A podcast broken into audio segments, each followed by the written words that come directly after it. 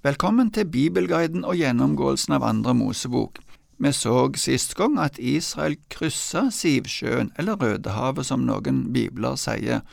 Havet hadde åpna seg slik at vannet sto som en mur på begge sider, og folket gikk over på tørr bunn. Egypterne fulgte etter, men da de var midt i havet, gjorde Gud at vannet kom tilbake til utgangspunktet, og da døde alle egypterne og alle dyra deres. Etter dette så sang Moses og folket en lovsang til Gud for den store frelsesopplevelsen. Vi har nå kommet fram til vers 22 i kapittel 15, og nå skal vi se litt på hva som skjer videre. Vi leser resten av kapittelet fram til vers 27. Her ser vi de to første etappene på det som vi kaller for ørkenvandringen. Moses lot Israel bryte opp fra Sivsjøen, og de kom til ørkenen Sjur. De gikk tre dager i ørkenen uten å finne vann. Så kom de til Mara, men de kunne ikke drikke vannet i Mara fordi det var bittert. Derfor ble stedet kalt Mara. Folket klaget til Moses og sa, Hva skal vi drikke? Da ropte han til Herren, og Herren viste ham et tre. Det kastet han i vannet, og vannet ble friskt. I Mara fastsatte han lov og rett for folket, og der satte han dem på prøve. Han sa, Hvis du fullt og helt adlyder Herren din Guds røst og gjør det som er rett i hans øyne, lytter til hans bud og holder alle hans forskrifter, da skal jeg ikke legge på deg alle de sykdommene jeg la på egypterne. For jeg, Herren, er den som helbreder deg. Siden kom de til Elim. Der var det tolv vannkilder og sytti daddelpalmer, og de slo leir der ved vannet. Etter at Israel hadde kryssa sjøen, måtte de dra videre. De brøt opp og gikk ut i ørkenen. De kom til ørkenen Sjur. Hagar, Saras trellkvinne, hadde blitt møtt av Herren på veien til Sjur da hun flykta ifra Sara. Herren hadde vist henne en kilde da hun holdt på å dø av tørst. Det var tydeligvis et tørt område. Nå gikk israelsfolket tre dager i denne ørkenen uten å finne vann.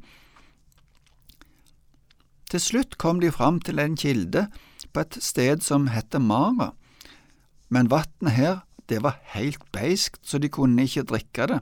Mara betyr bitterhet, så det kan godt hende det at det var israelsfolket som satte dette navnet på plassen på grunn av det de opplevde med vannet her. Folket klaga til Moses og lurte på hva de skulle drikke. I norsk bibel er det oversatt med at de knurra. For tre dager siden så hadde de sunget en jublende lovsang fordi Herren hadde frelst dem, men nå kommer klagen. Det skjer dessverre ofte òg på vår vandring gjennom livet, enten vi er kristne eller ikke, så har vi store opplevelser som gir glede, men så, etter ei lita stund, så opplever vi noen vanskeligheter, og så blir det klage og sutring. Men Moses henvendte seg til Herren med dette problemet. Herren viste et tre til Moses. Da han kasta det treet i vatnet, så ble vatnet godt, det kan få oss til å tenke på korset som ble reist i vår bitre verden. Korset, eller Jesu død på korset, har endret situasjonen for oss som tror, slik at dette har blitt en kilde med godt vann som vi kan drikke av. Jeg tenker òg på kong Hiskia som var dødssyk, men så ble han helbredet av profeten Jesaja. Etter det uttalte han det som vi finner hos profeten Jesaja i kapittel 38 vers 17. Se til fred ble det bitre, det som var så bittert for meg, da du reddet min sjel fra ødeleggelsens grav, for du har kastet alle mine synder bak din rygg. I tillegg til at vannet ble godt, står det at han fastsatte lov og rett for dem, i en dansk oversettelse er det oversatt med at han gav dem bestemmelser om lov og rett. Det som skjedde her, var en prøve ifra Gud for å se hvordan de reagerte, om de holdt fast på trua på Gud, eller om de mista motet. Vi får òg noen prøver eller tester på vår vei. Denne hendelsen var videre en sterk oppfordring til å holde seg til Herren og til Hans ord, for Gud sier at hvis vi adlyder Han og lytter til Hans ord, blir vi bevart ifra slike sykdommer og plager som rammer egypterne. Det som rammet dem, var først og fremst fordi de ikke ville tro på Herren. Det betyr ikke nødvendigvis at vi ikke trenger å bli syke, for det ser vi i livet at òg kristne blir syke, men vi skal få vite at Herren kan helbrede òg sykdommer, men i alle fall helbreder han den verste sykdommen, slik som hos kong Hiskia, at han har kasta alle mine synder bak sin rygg. Fra Mara gikk folket videre til Elim. Der var et godt hvilested. Det står at det var tolv vannkilder der og 70 daddelpalmer. Elim betyr trærnes sted. Det kan hende at disse tallene er symbolske, for tolv er i mange sammenhenger paktfolkets tall, og 70 det er gjerne et tall som viser Guds administrasjon.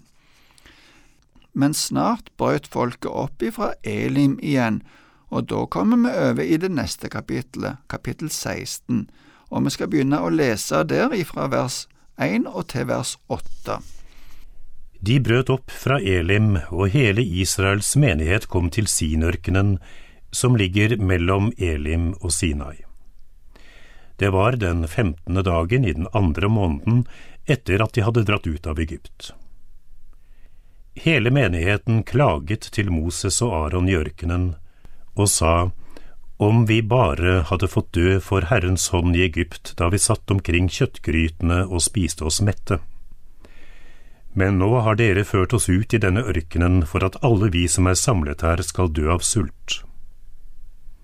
Da sa Herren til Moses, Se, jeg vil la det regne brød ned til dere fra himmelen. Hver dag skal folk gå ut og sanke en dagsrasjon.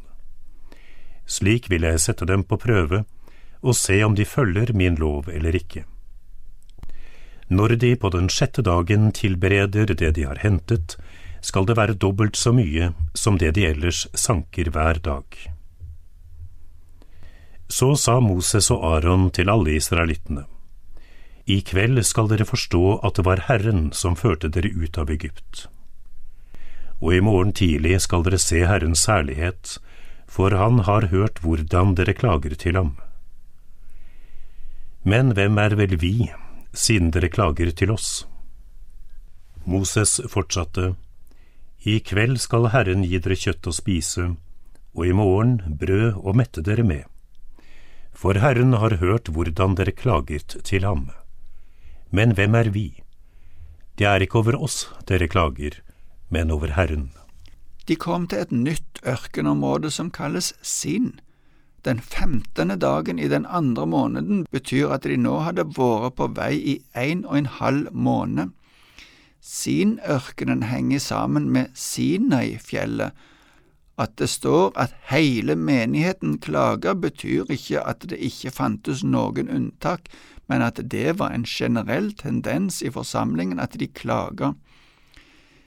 Det kom fram mange stemmer som sa lignende ting. Det gikk igjen ut på, slik som de sa da de sto ved Sivsjøen, at det hadde vært bedre om de hadde fått dø i Egypt. Vi kan jo noen ganger undre oss på at folket som hadde opplevd så store ting, begynte å klage etter ei korte stund. Men det er minst to ting som vi må tenke på. For det første opplevde de vanskelige ting. Det er ikke lett å gå i dagevis uten å vite hva de skal spise eller drikke, og så gå rundt sultne. For det andre så kan vi spørre oss sjøl hvor mye vi sjøl ville ha tålt av motgang før vi begynner å klage på Guds ledelse, og at Gud ikke gir det som vi ber om. Det ser ut at de hadde glemt vanskelighetene og slitet i Egypt, De snakker bare om kjøttgrytene som om alt var så godt i Egypt. De hadde opplevd en mektig frelse, både at de ble spart for de plagene som ramma Egypt, og enda mer da de ble frelst når de gikk tørrskodd gjennom havet og egypterne drukna. Etterpå hadde de òg opplevd at Gud ordna opp med godt vann til de fra en kilde som var beisk. Men nå mangla de mat, og i klagen sa de at det hadde vært bedre om de døde i Egypt. Men Gud hadde en plan, og han forteller Moses om den. Han vil gi de brød ifra himmelen. Gud ville sørge for maten. Også dette underet ville Gud bruke til å prøve eller teste israelsfolket om de ville følge Guds ord eller ikke. Her skulle de lære noe om sabbaten, eller hviledagen. De skulle nemlig sanke dette brødet fra himmelen i seks dager, men på den sjette dagen så skulle de samle dobbelt så mye, og det skulle vare til den sjuende dagen, da skulle de ikke samle noen ting. Moses og Aron gjorde kjent for folket at denne kvelden skulle de virkelig få oppleve at Herren var den som førte de ut ifra Egypt. De skulle få oppleve Herrens herlighet. Hvem er vi, sier Moses og Aron, vi er bare redskaper. Det er Gud som er den som handler, og har handla hele tida. Når folket klager over Moses og Aron, så er det feil adresse. Moses lover kjøtt denne kvelden, og neste morgen skal de få brød. Det var brød fra himmelen, som vi så tidligere. Flere av salmene nevner dette store underet. I Salme 78, i versene 24 og 25, kalles det korn fra himmelen og englebrød, og i Salme 105, vers 40, blir det kalt for himmelbrød. Gud hadde hørt hvordan israelsfolket klaga, sa Moses. I fortsettelsen av ørkenvandringen fikk de dette brødet hver dag i 40 år. Vi skal se litt mer på dette brødet som blir kalt manna, og hvordan det skjedde. Men det må vente til neste gang, for nå må vi slutte for i dag. Herren være med deg.